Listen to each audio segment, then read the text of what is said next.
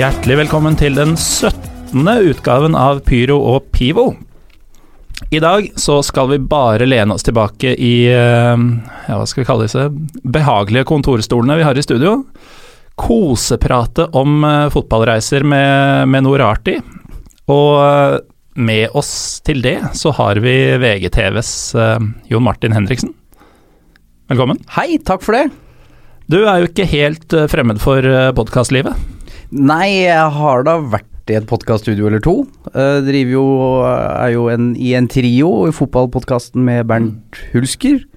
Og så har jeg vært i dette bygget her noen ganger også og deltatt i noen podkaster, så det har blitt noen. Det er, det, er det meg, eller er det nok litt sånn hardere bak scenene eh, i fotball enn de gangene du har vært innom her? Vi, både av personlige skildringer og, og, og, generelt i livet, så vil jeg si at det er tøffere psykisk å være en ukentlig del av det jeg er i og faktisk tjene penger på, og det er jeg glad jeg gjør. Ja, For du får betalt for det? Ja, fotballpodkasten er en del av jobben min, ja. Men det er jeg glad for at det er òg, med tanke på kroppsvekt og alt jeg får gjennomgå, så det syns jeg egentlig bare skulle mangle. Eh, men du er jo her fordi eh, du ikke bare har en eh, framifrå radiostemme, men også fordi du har jo vært, om ikke overalt, så har du jo vært mye rundt og sett fotball og, og opplevd både det ene og det andre.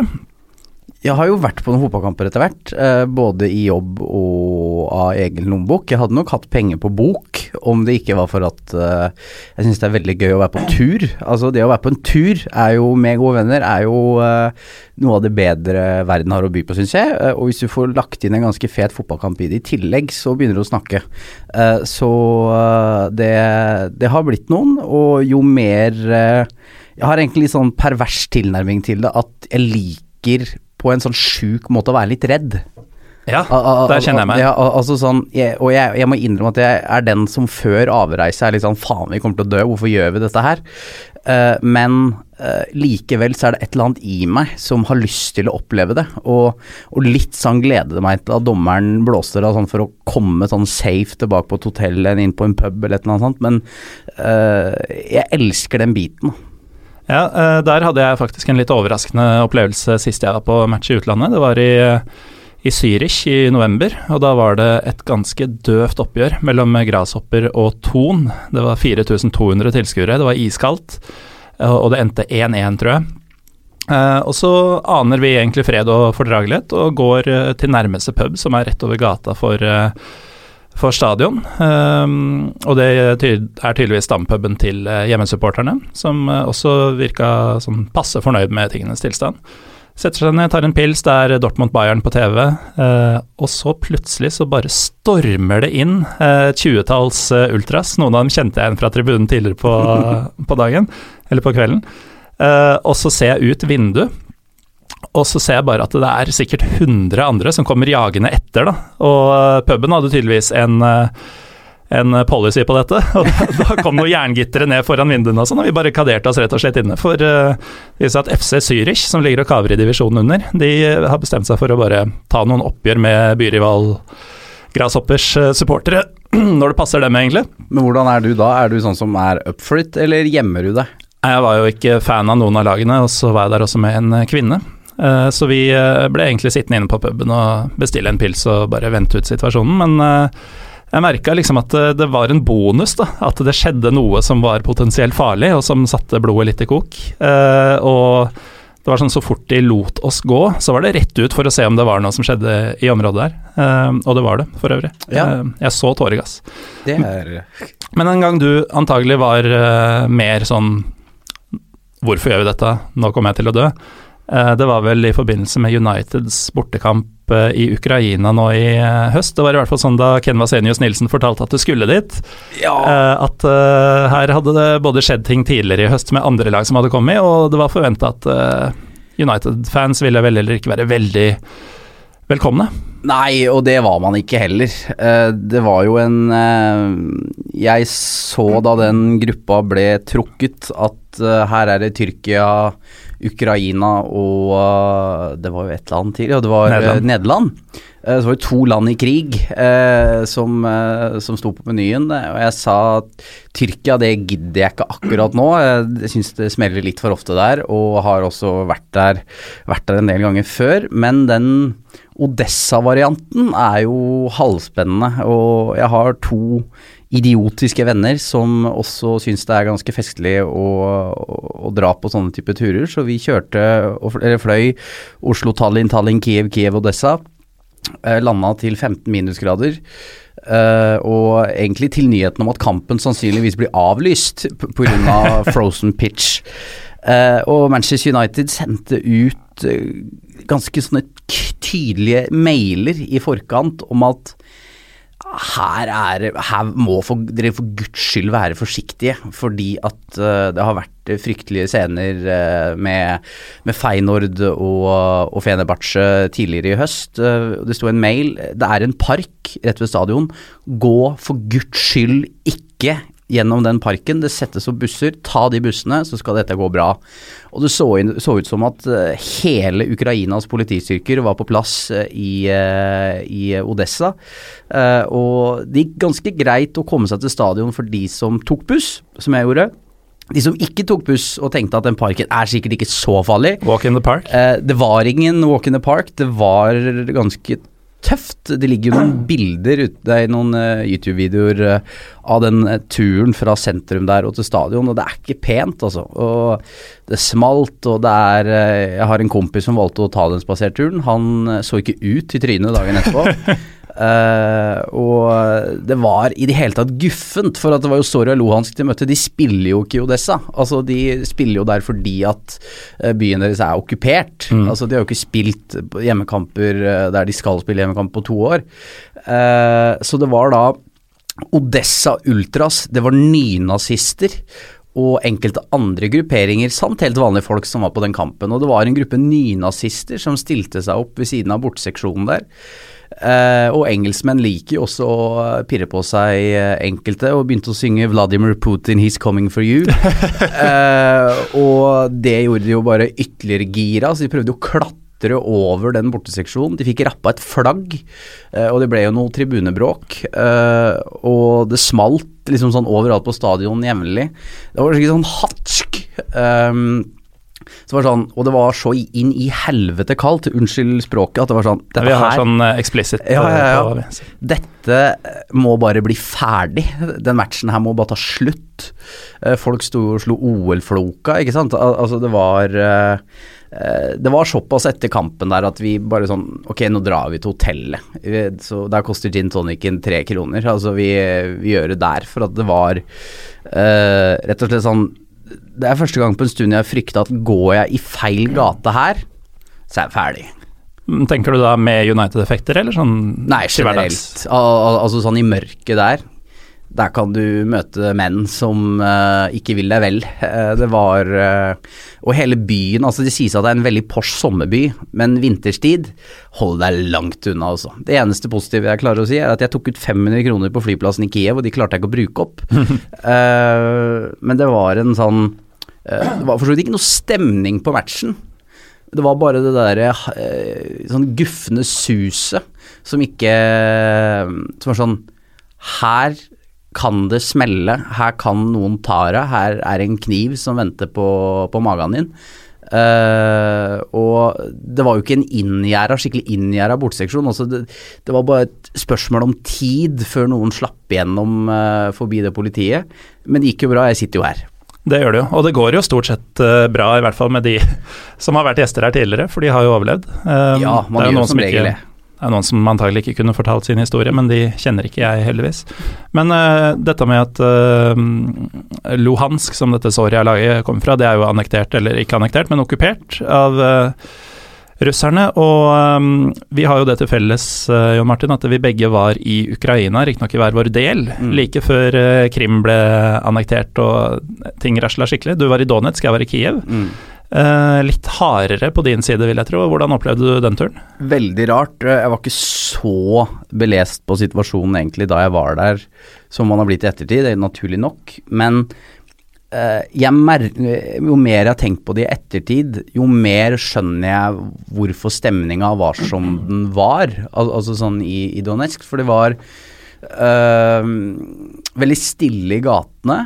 Uh, utes, det var mye gitter foran, uh, sånn som du opplevde i, i, i Zürich. Altså, ting var litt sånn stengt.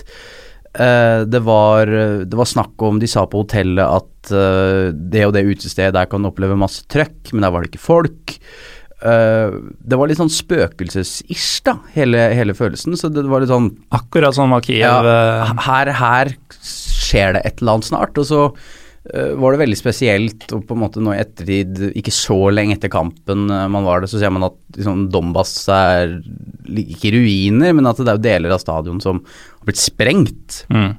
Eh, så eh, også der var det fryktelig kaldt, eh, men en litt sånn ganske spesielt å ha vært et sted som på en måte var på bristepunktet, da. Hva slags match var du på der? Det var uh, Shakhtar Donetsk Manchester United uh, i David Moyes uh, sin utmerkede United-sesong. han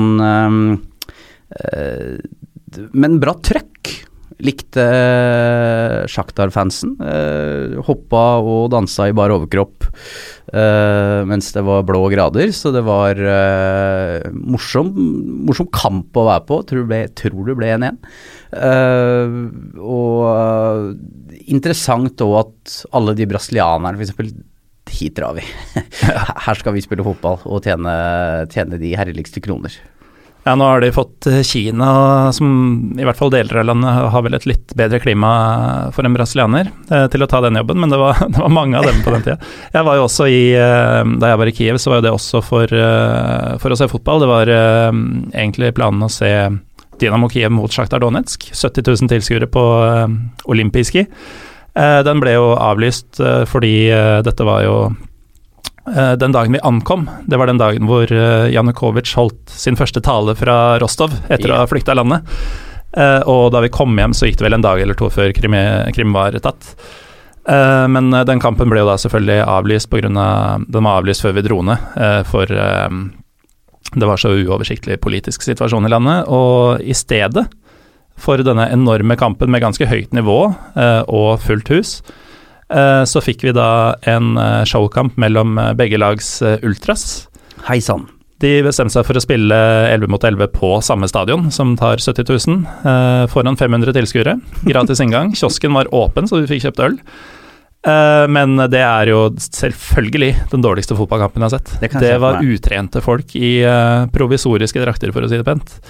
Men angående det du nevnte om nynazistene i Odessa, Eh, det som slo meg mest, var at en av de mest populære gutta som var på tribunen, masse folk som skulle komme bort og snakke med henne, og alle sto og eh, lo og smilte og sånn, han hadde på seg en T-skjorte med en Dynamo Kiev-logo og et hakekors, og så sto det White Boys Club. ja. Og det var ingen som stussa. Nei, det var eh, Og jeg må si at det er, liksom, det er, jo enkelte trosretninger man har større vanskeligheter for å akseptere og ta inn over seg enn andre. Og Eh, det var så unge gutter, da. Altså sånn det var eh, folk i, mellom 14 og 18, tipper jeg, som stort sett uh, hadde skinna håret, hadde skinnjakker og, og det flagget og, og, hakekors. Og så intenst. Altså Og de lever selvfølgelig under forhold som vi ikke kan, uh, kan skjønne noe av, men det var sånn skremmende å se, da. Og at de brukte den fotballkampen. Manchester United var i byen, uh, de kunne komme på TV. Eh, litt sånn Herregud, hvordan er uka her ellers, liksom? Hvordan er dere holder på? Uh, og den derre det, det, det, å drite i alt, da. Og, og så angripe folk på gata mens politiet er rundt, og at du ikke det forholder du deg ikke til, liksom. Du bare kjører på. Det er ganske sånn spesielt å se på og overvære. Og uh, jeg føler meg litt for øyeblikket ferdig med Ukraina, da. Ja, det, det frister ikke til noen gjentakelse sånn med det første. Nå har det gått uh, tre år i disse dager, men uh, det ble, jeg tar gjerne tre år til uten Ukraina, merker jeg. Du tror jeg er lurt. Men nå, altså Øst-Europa er jo både det ene og det andre. du har jo hatt det gøy i Øst-Europa også. Eh, du fortalte at du har vært på match i Warszawa f.eks.? Ja, Henning Berg var jo eh, trener for Legia Warszawa. Ble jo seriemester og cupmester, tror jeg. Og fikk sparken. Og fikk sparken. Eh, sånn er det jo i Polen. Og jeg var på jobb og så eh, kampen mot Lech Poznan. Eh, da var de allerede ligamestere. Legia Warszawa skulle få trofeet. Eh, bare for å gni det ytterligere inn, så var da Lech Poznan motstander. og det var et støynivå og TIFO på tribunen som var TIFO-messig sånn, er, noe, er det råeste jeg har sett, tror jeg. Ja, det er det gode på. Ja, vanvittig. Og de ville ikke at kampen skulle ta slutt, så de eh, kasta eh, en haug med doruller ut på banen, og de gjorde det tre ganger, så kampen ble stoppa tre ganger, sånn at de kunne gni det ytterligere inn. De lagde sang til Henning Berg. Eh, verken han eller jeg prata med han etter kampen, han skjønte ikke hva de sang, men han regna med det var noe positivt, siden ja. han var nylig krona seriemester i Polen. men et uh, herlig kaos. Altså, det er jo litt av det jeg ønsker å oppsøke, da. Altså når man drar ut. Det er jo stemninga uh, og uh, Det er mange måter å lage lyd på, men å gjøre det på den måten i takt, samtidig som du hopper og kjører TIFO, det er utrolig fett. og Så jeg setter nok den sånn topp tre sånn stemningsmessig av Lurveleven og, og lyd, for det var rett og slett vanvittig, altså. Det kan vi jo ta med en gang, siden dette også er litt sånn do's and don'ts til eh, våre lyttere. Hva, hva vi anbefaler at folk gjør og ikke gjør. og Polen er jo veldig tilgjengelig. Mm. Altså, kan du fortelle litt om prisnivå og den type ting? Ja, det er jo veldig billig i Polen. Uh, du kan drikke mange halvlitere på en Aker Brygge halvliter uh, i Warszawa. Uh, Poznan har jeg også, kjenner jeg folk som har vært i som også anbefaler det, altså så fotballmessig. Det er Men Warszawa, fin by. Gamlebyen er syns jeg er veldig koselig. Bra restauranter, bra uteliv, fine hoteller som ikke koster deg mye penger. Og så har de jo en fin stadion da, som er ganske ny, eh, som ligger litt utenfor byen. Kjapp taxitur, så er du der. Eh, men det er også et sted du skal være forsiktig, for jeg var jo som sagt på jobb, så vi filma litt før kampen. Og Min eh, kjære kameramann der, Håvard Rønning, han skulle filme noen eh, Legia-supportere som ikke var de snilleste guttene i, i klassen. Eh, og da fikk han bare en eh, kniv over strupen-tegn eh, om at dette gir du deg med. Så som alle andre steder, vær forsiktig, men jeg anbefaler det på det varmeste. Og du fikk selv om dette er en uh, hovedstad i et land som ligger veldig nærme ja, mer kjente og kjære trygge steder som Tyskland og Danmark f.eks. Du fikk Øst-Europa-følelsen? Ja, det fikk jeg. Det er viktig. Uh, og den uh, jeg, Mange hater jo det, men jeg liker det. Jeg, jeg syns Øst-Europa kan være det blant de bedre stedene å reise. Altså, som jeg pleier å si til kompiser, altså vi drikker jo mye, like mye samme hvor vi er, og du får mer ut av det der. og det er de gamle byene og sånn som er i mange av de byene, syns jeg er veldig, veldig, veldig fint. Så jeg sier aldri nei til en liten Viken i, i Øst-Europa flere steder i Øst-Europa du eh, kan anbefale på stående fot? Altså, eh, Praha f.eks. bør man jo gjerne dra til. Jeg har bare eh, vært der jeg har vært der par ganger utenom fotball én gang, og så fikk jeg gleden av å overvære Per-Mathias Høgmos siste skrik som, eh, som landslagssjef i høst. Også der var det kaldt. Det er ofte en gjennomgangsmelodi når, på, når jeg er på tur, føler jeg. I hvert fall i Øst-Europa. Ja, det skal være kaldt der. Ja, du drakk ikke dit i juni. Men Praha er en av mine favorittbyer, tror jeg. Altså sånn å være i fantastisk fin by.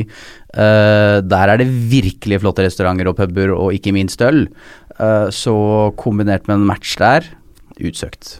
Jeg er helt enig der. Jeg trodde jo det var, var oppskrytt. Altså da folk prata om hvor pent Praha er, så trodde jeg det var det på lik linje med alle disse andre pene byene i Øst-Europa, men det er jo en helt egen greie. Det var jo som et eneste stort postkort. Ja ja, Praha virkelig dra dit. Men uh, det er jo ikke bare i øst uh, man kan bli utsatt for faenskap. Uh, Frankrike, f.eks. Ja, Frankrike Fotball i Frankrike Jeg er litt usikker på om man trenger å oppsøke det, altså. Så Marseille altså, Vi så jo denne fotball-EM f.eks., hva som kan foregå i Marseille. Det var riktignok ikke først og fremst franskmenn som skal ha skylda for det, det var jo russere og engelskmenn, men var og så Marseille i Champions League. Uh, det er også uh, Manchester United som, uh, som, motstander. Altså, politiet der behandler deg som kveg. Altså med tåregass og batonger og Vi ble putta inn i en sånn hall på vei inn. Hvor alle ble ransaka, og det ble trangere og trangere og trangere, og trangere, og plutselig syntes politiet det var så trangt at nå skal vi slå. Dere skal vi slå. Uh, og batongene fløy og tåregass overalt, og uh, ikke noe koselig sted. Og så syns jeg Marseille også er en forbanna drittby. Uh, jeg syns det om Paris. hva er gærent med Marseille? Det er jo, øh, å misforstå meg rett, det er jo en innfartsåre som tiltrekker seg mye grums, da. Det er jo Det lages jo ikke skurkefilmer derfra uten grunn. Det er bakgater, steder På dagtid så ser det veldig flott ut ved, ved havna og sånn der, men Fikk ikke noe godt inntrykk av Marseille, og har ikke noen sånne umiddelbare planer heller om å returnere med det første. Men for all del, nå har du fått en veldig fin stadion. Eh, den var under oppbygging eh, da jeg var der, for det var vel i 2010 eller noe sånt. Eh, men det er det der politiet, altså. Jeg orker ikke sånn politi som skal begynne å slå. Jeg skal til Santet igjen om, om et par uker. Uh, så jeg er spent på hvordan uh, politikonstabelen oppfører seg da. Uh, og etter hva landet har gått igjennom de siste par åra, så tipper jeg ikke at de har blitt snillere. Så jeg er forberedt på, forberedt på skinnleggen skal få seg en omgang. For det har den jo også gjort andre steder, har jeg forstått? Jeg fikk i Jeg skulle på Besiktas kamp på den gamle stadion. Fantastisk plassering hvor du ser fra et kontinent til et annet. Det er vel den eneste i verden, er det det? De sier så. Ja, om de har rett i det, det, det veit jeg ikke. Men uh, uh, uansett kult at det er mulig der. Mm. Uh, det var i hvert fall det. Ja, jeg var på den i sin tid, jeg òg. Og mm. da var det ett sted hvor det var aktuelt for meg å kjøpe billett, og det var på det høyeste stedet Uh, hvor du ser mot den mm. asiatiske siden. Ja, det var ganske storslått. Det er uh, og et uh, vanvittig trøkk, men på vei inn så skulle man jo ransakes, og jeg var på en såkalt daytrip hvor man møtte på Manchester Airport tidlig, fløy til Istanbul, var der noen timer, og så dro man rett hjem etter kamp. Så jeg hadde jo bare med meg husnøkler og, og lommebok og pass. og noen mynter i lomma, og de ville gjerne ha de nøklene mine. Så det Beklager. Altså, så jeg begynte jo å dra i de nøklene til han politiet som ville ha de. God idé. Eh, ja, og han klinka altså til noe så grisejævlig på, på, på, på skinnlegget min. Jeg hadde blodutredelse i flere uker etterpå. Det, altså, sånn, var så smertefullt at jeg at jeg hadde lyst, skikkelig sånn intens lyst til å grine. Altså det var, Men jeg måtte prøve å manne meg opp såpass at uh, tårene ikke kom, men det var altså et smertekjør, altså. Uh, så uh, ofte er jo faktisk politiet uh, den verste fienden din, altså når man reiser rundt omkring. særlig jeg som reiser veldig mye med en engelsk gruppe, så uh, Jeg husker jo f.eks. i den Marseille-episoden, da sto det på forsida av en eller annen avis der at uh, nå kommer 3000 hooligans til, til, Marseille, og da blir jo politioppførselen deretter. Mm. og en digresjon til med Marseille, bare før vi glemmer det, det er at der syns jeg egentlig at ultrasen til klubben var ganske ryddig. De gikk bort og spurte pent og pyntelig Do you wanna fight? Og så svarte jeg nei, og da sa de ok, have a nice day. Og så gikk de videre og spurte neste, som var klar for å slåss litt. Jeg tipper de fant det de var ute etter. Ja, ja det, var nok, det var nok muligheter. Men uh, interessant det du nevner om uh, politiet, fordi uh, veldig mange av våre lyttere kommer jo fra supportermiljøene rundt i landet, og da gjerne både kategori B og C, har jeg skjønt på Twitter. Uh, og de er jo heller ikke spesielt glad i politiet generelt sett, så dette er nok musikk i deres ører. Uh, har du flere eksempler på uh, ja, altså, altså Ufint politi? Jeg syns italienerne har blitt bedre.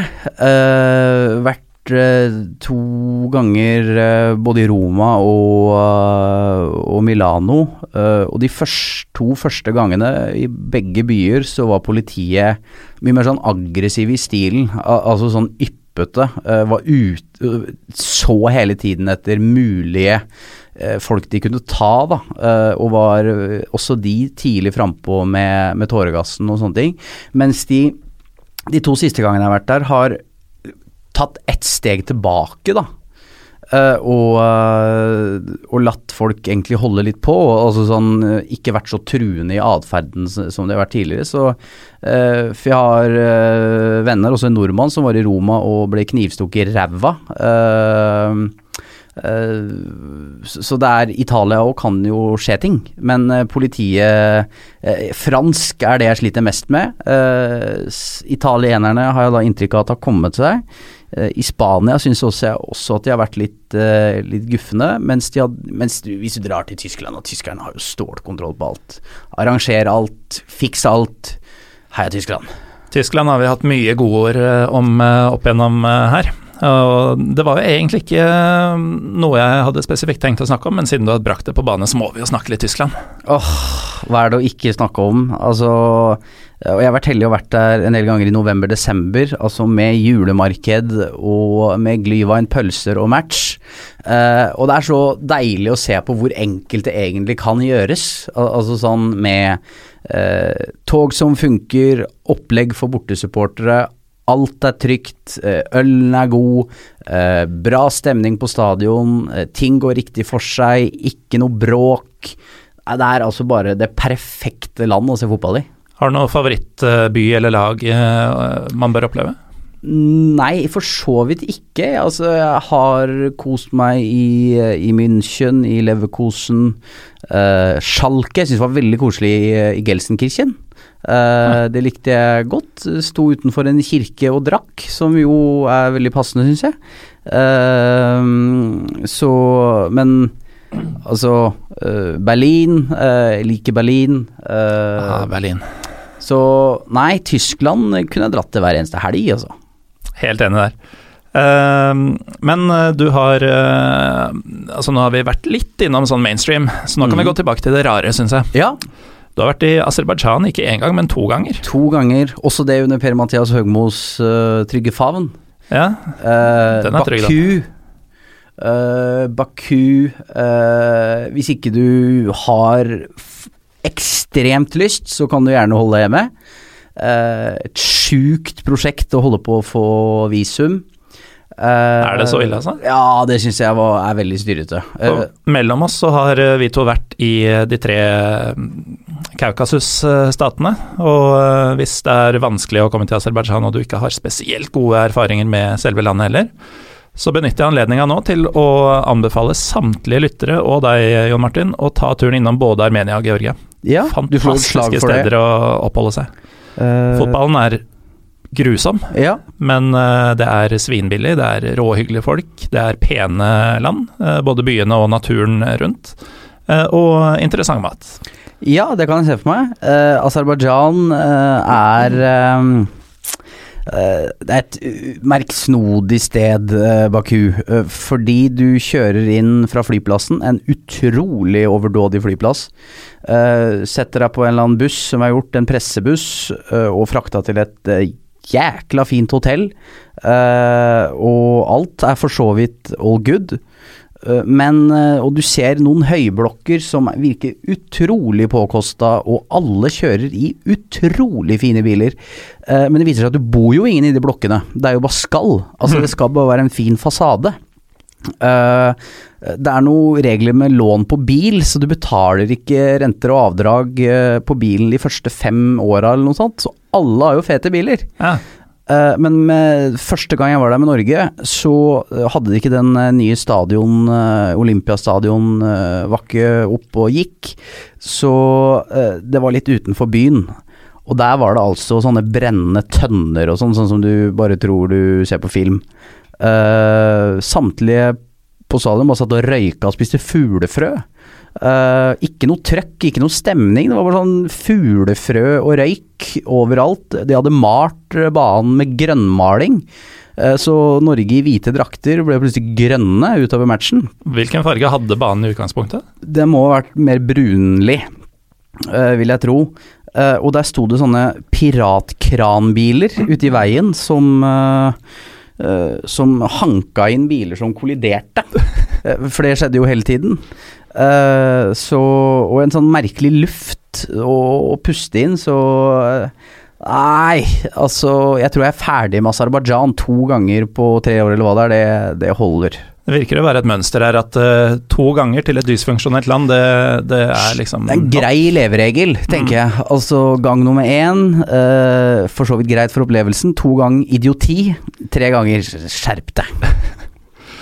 uh, du, som den våkne lytter sikkert har fått med seg nå, så er du jo ganske svoren Manchester United-fan. og da vil jeg jo tro at du også har vært på en del matcher i England. Ja, det, det har det blitt. Det har nok uh, også de aller fleste av våre lyttere, men uh, kanskje ikke de er så bevandra som deg. Hva er, uh, hva er det hva skal vi si, mest minneverdige du har vært med på i England? Åh, oh, det er vanskelig å svare på. Uh, av, uh, hvis vi tar sånne enkeltting, så er det en bortekamp uh, på Ewood Park noe av det kuleste i verden, syns jeg. Eh, Blackburn som gir bortesupporterne 8000 eh, billetter. Eh, de hadde før en gedigen pub som de nå ikke er for bortefans, men før så var bortekamp på Evil Park altså noe av det feteste. kjapp togtur fra Manchester, drikke pils. jeg husker det var noe, vært noen kveldskamper der på lørdager som har rett og slett bare vært helt nydelige saker. jeg synes det er litt vanskelig å svare på, uh, fordi eh, ofte så er anledningen det som gjør uh, ting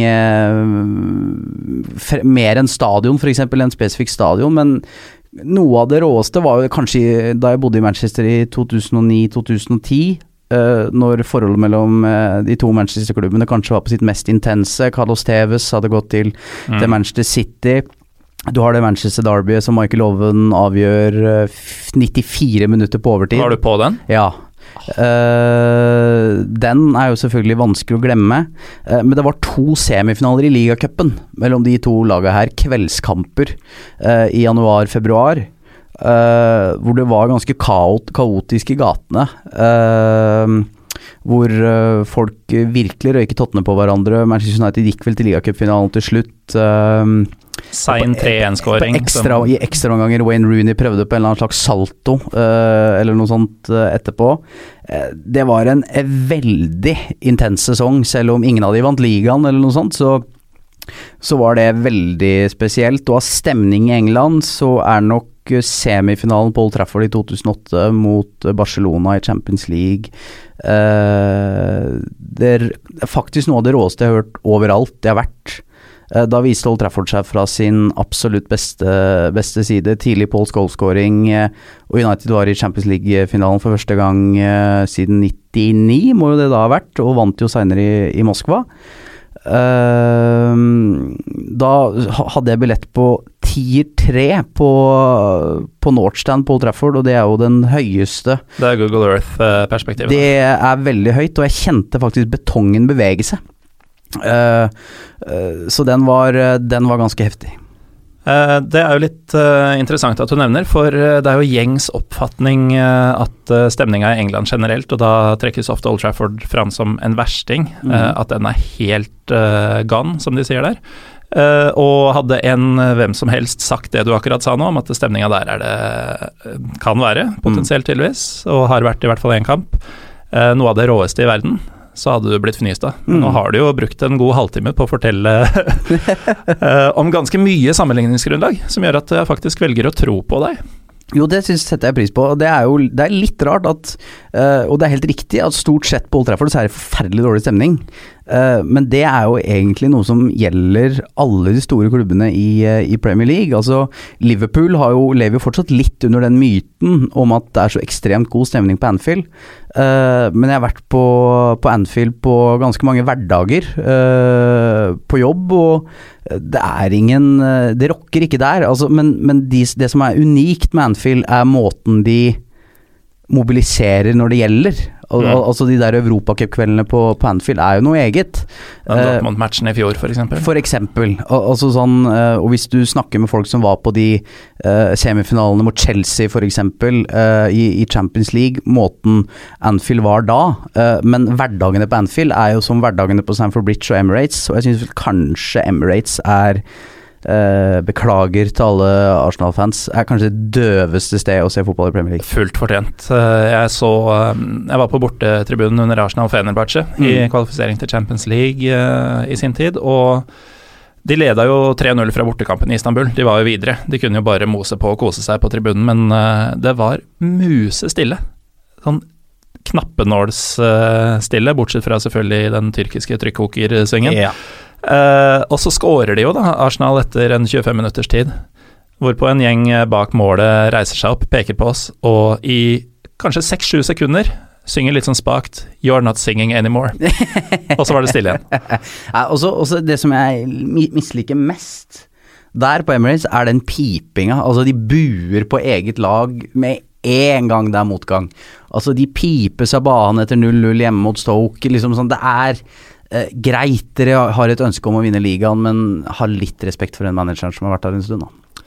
Så er det jo sånn at uh, det blir mye Tyrkia når jeg uh, bestemmer hva som skal snakkes om i en ja. podkast. Jeg hadde jo egentlig tenkt å prøve å tone ned det, men du har såpass mye erfaring der at vi kan jo ikke la det ligge. Uh, du nevnte Besjiktas og et ublidt møte med politi der tidligere. Mm. Du har vært på alle de tre store i Istanbul? Ja, det har jeg. Uh, vært på Galatasaray, Manchester United. Jeg har vært på Fenerbahçe, jeg tror det var mot Elsa Zigspor. Ja, Elazespor. Er det det heter, ja. Derfor der var Trond Solid uh, trener en veldig kort, en veldig kort det periode. Det hadde jeg glemt. Så jeg var på jobb jeg for VG uh, og intervjua han etter kampen. da var det litt sånn det var, den, det var veldig god stemning, misforstå meg rett, men det var ikke den tøffeste matchen heller for Fenerbahçe-fansen. Nei, det blir litt sånn en dag på jobben. Ja, og de vant veldig greit. jeg tror det var 5-0 eller et eller annet sånt. Men da hadde jeg et nesten litt sånn religiøst øyeblikk da jeg tok båten fra den europeiske til den asiatiske siden i solnedgangen. Mm. det var utrolig fint. En fantastisk tur, det anbefaler jeg alle som er i Istanbul. Jeg anbefaler i hele tatt Istanbul, veldig, veldig sterkt. En veldig, veldig, veldig fin by. Utrolig trist at det er såpass utrygt der som det nå er. Mm. Uh, hvis ikke så kunne jeg veldig gjerne tenkt meg egentlig bare en helg dit, altså med dama mi f.eks. Altså, sånn, jeg mener at den Istanbul får du jo alt, da.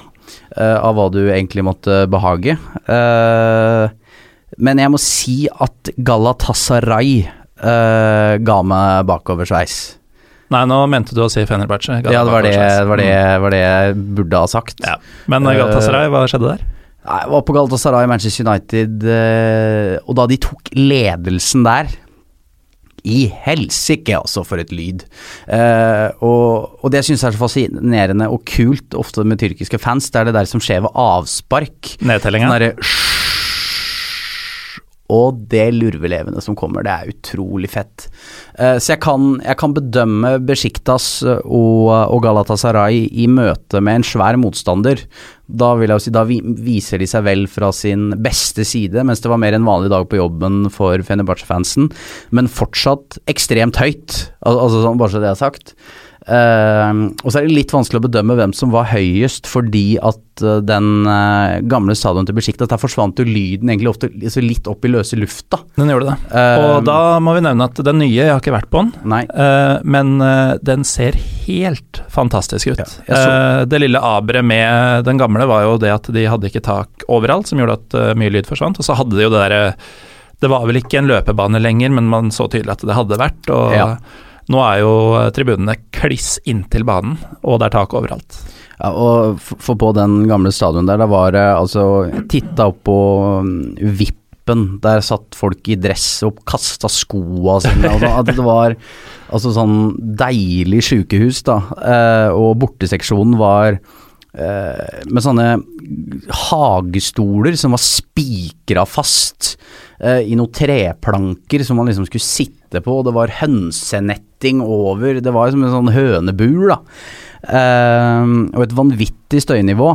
Eh, og jeg lurer på om faktisk det eh, de kjører jo sånn desibelmåler og sånn, det var det høyeste som var målt der, i hvert fall på, på mange år, da. Mm. Det var i 2009, og heldigvis så skåra Paul Scholes og ble matchvinner, men ikke før i sånn på 80-tallet et sted i matchen, så det var liksom eh, grunn til å holde støyet oppe da. Du fikk det beste av to verdener. Ja, eh, så mens Galatasaray på det nye stadion, for øvrig genialt lagd med tanke på bortesupportere, en buss som eh, du ble kjørt liksom inn under stadion, så du aldri møtte fansen. Sånn er det hos uh, Fenerbahçe også. Ja, ja, viktig å melde at de har også Ja, bygd det- Også veldig fin stadion. eh, Nydelig Fenerbahçe, må jeg si. Det var eh, utsøkte presseforhold, eh, god mat, eh, flott. Ja, de smigrer. Ja, ja, jeg må jo prøve. Uh, du virker jo å ha verdens feteste jobb, da. Altså I hvert fall for en som eh, er eh, tydeligvis eh, drikkeglad, eh, fotballglad og eh, med litt dødsforakt. Ja, men det er som Atle Antonsen sier, det er utrolig slitsomt å være på jobbtur, for da må du både jobbe og drikke.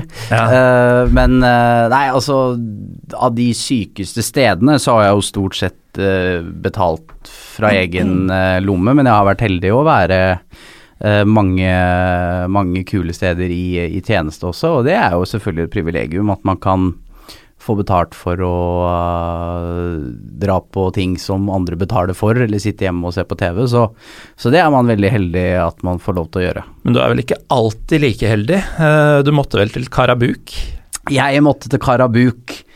Uh, Morten Gans Pedersen signerte jo for Karabuk Spor.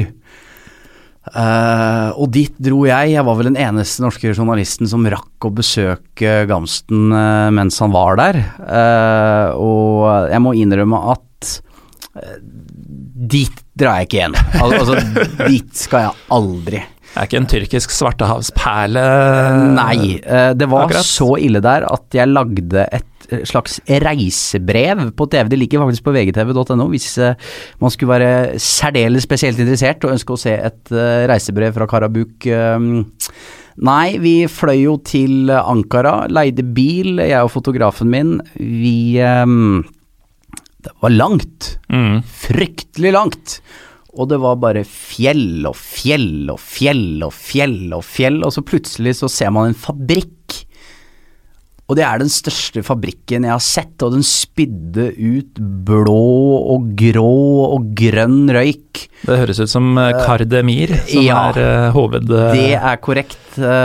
betyr for øvrig snøjern. Ja, for det er jo jern de lager der, jern og stål, tror jeg. Og det tok et kvarter å kjøre, kjøre forbi den eh, kjøre forbi den fabrikken, og så har jeg jo avtale med Gams, da, som jeg kjenner godt fra før. Jeg ringer han og sier at nå er jeg her, hvor er du? Uh, og så spør han nei, hvor er, hvor er du hen da? Så spør han tilbake, nei jeg er i Karabuk. Og så sier han Karabuk, det går ikke an å være der! uh, nei, det er jeg veldig enig med deg i. Uh, hvor er du? Nei, kjør dit og dit. Så han bodde da i et sted som heter Safran Bolu, som lå ved siden av en naboby. Betraktelig finere, og for å skryte av litt kunnskaper, så kan jeg si at uh, Safran Bolu det er stedet hvor safran er fra. Uh, så vet du det. Um, der var det hakket bedre. Uh, der fikk vi sitte på en vanlig restaurant. Jeg tenkte å få meg en pils, men det var ikke mulig å få. Oh. Eh, Nei, der var det veldig muslimsk og religiøs i hele byen, så vi fant til slutt ett sted som eh, solgte alkohol. Mm. Eh, det var på en veldig alkoholisert enten-eller. Et loft. Hvor uh, det bare var gutter som uh, drakk i skam, følte jeg. Og der satt jeg og fotografen Øyvind Nordahl Næss og drakk våre pils. og så Karabuk Det var vel en av de få kampene Gamsten starta der. Endte 0-0 på en ganske sliten fotballstadion som de bygde litt opp da jeg var der. Eh, men det var et høl, altså. Et forferdelig høl. Og Rosenborg eh, har jo vært der eh, også i ettertid. og jeg Prata bl.a. med var vel Ole Selnes, som heller ikke var fra seg av begeistring for, for den byen der. Det er litt uh, rart det der med, med forskjellene på byer og steder i Istanbul når det gjelder dette med alkohol. For uh, i Istanbul hadde du jo virkelig ingen problemer med å finne Nei. det. Da blir du nesten kasta etter deg. Mm. Uh, men jeg var i en liten sånn kurdisk dominert eh, landsby utafor Ismir, som jo er eh, en eh, metropol. Og der var det sånn at de jeg var med, da, som var menn i 30-åra eh, Hvis vi skulle drikke, så dro de, dro de rett og slett til den nærmeste større byen, da, Manisa. Eh, og drakk der. Mm. Fordi de kunne ikke risikere at uh, familien eller venner og naboer og sånn så dem drikke. Nei, jeg, Dette er da voksne menn. Ja, for jeg følte at jeg drakk virkelig i smug, altså. At Ja. jeg nesten at jeg gjorde noe ulovlig uh, der jeg satt. Det kan hende det var òg. Men Nei, det var det var veldig spesielt, og de solgte Altså, på gata der i Karabuk, så Altså, det var så mye rart. Al al altså, sånn, det var så stygt og urenslig, og det var rett og slett eh, et jævla høl, altså. Så um, Men interessant. Det er jo gøy å være på sånne steder. Um, men jeg legger ikke ferien min dit. Nei, men Man kan jo krysse det, og det er jo ofte Når man velger å dra på litt obskure steder og litt obskure fotballmatcher, så er det jo mest det man sitter igjen med. Sånn, ok, jeg kan i hvert fall si jeg har vært der. Ja. Og med ordene 'Karabuk er et høl', så tror jeg vi må runde av. Takk til deg, Jon Martin Henriksen, for at du kunne stille opp. Bare hyggelig. Eh, mye gode skrøner eh, du hadde å komme med, og vi har vel bare skrapa overflaten, eh, vel. Vi skal aldri un undervurdere å skumme fløten. Eh, jeg heter eh, Morten Galesen, takk for at dere har hørt på. Vi er Pyro Pivopod på Twitter. Takk for nå.